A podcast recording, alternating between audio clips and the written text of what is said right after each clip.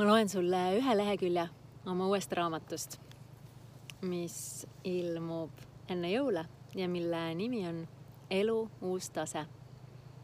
tõuse elevusega, ela isuga, maga rahuga. kas valida suured või väikesed eesmärgid?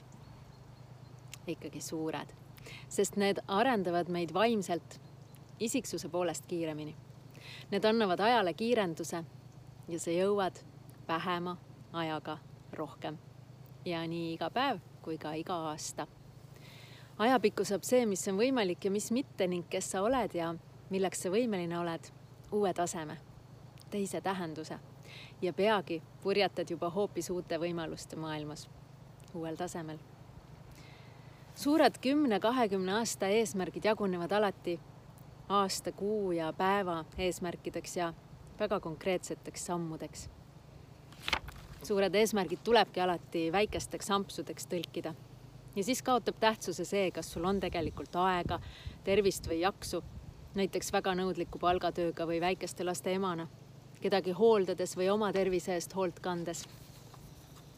suure eesmärgi minisamm oli siis, kui pole mingil põhjusel, muu pole mingil põhjusel võimalik, siis annab see tillukegi samm su elule sihi ja ärkamisele mõtte. peaasi, et su eesmärk on selge ja oluline. tibusamme saab alati teha finantsvabaduse suunas, täiusliku tervise poole, paremaks kaasaks olemiseks, oma maakodu loomiseks.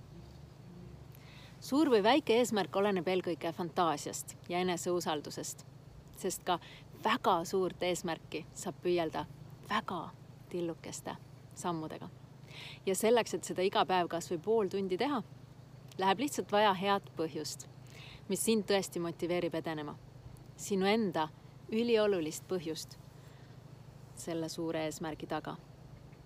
kellegi teise põhjused ja ühiskonna ootused vajuvad varsti läbi nagu soomätas, mis on alt tühi ja su käed vajuvad esimeste ebamugavuste või raskustega kohtudes lihtsalt kiiresti rüppe tagasi kui algav päev sind emotsionaalselt ei käivita, on palju lihtsam vajutada snuus nuppu, kui ennast voodis istukile ajada ja päeva kallale asuda.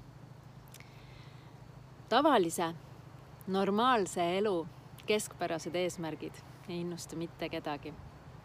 eesmärgid, mis sala, sära, mis sära silmi toovad, on alati suured. isegi kui nendeni sammumine võtab aega või nõuab pingutust. vaata oma valitud eesmärke. kas need on nii suured, et tekitavad sinus elevust? kas sa päriselt tahad, et need realiseeruksid? kas oled nende nimel valmis hüppama üle ebamugavuste hirmutava kuristiku? mina olen Merit Raju ja see on minu uus raamat. elu uus tase. tõuse elevusega, ela isuga, maga rahuga see on nagu life coaching'u raamat või vaimustava elu käsiraamat.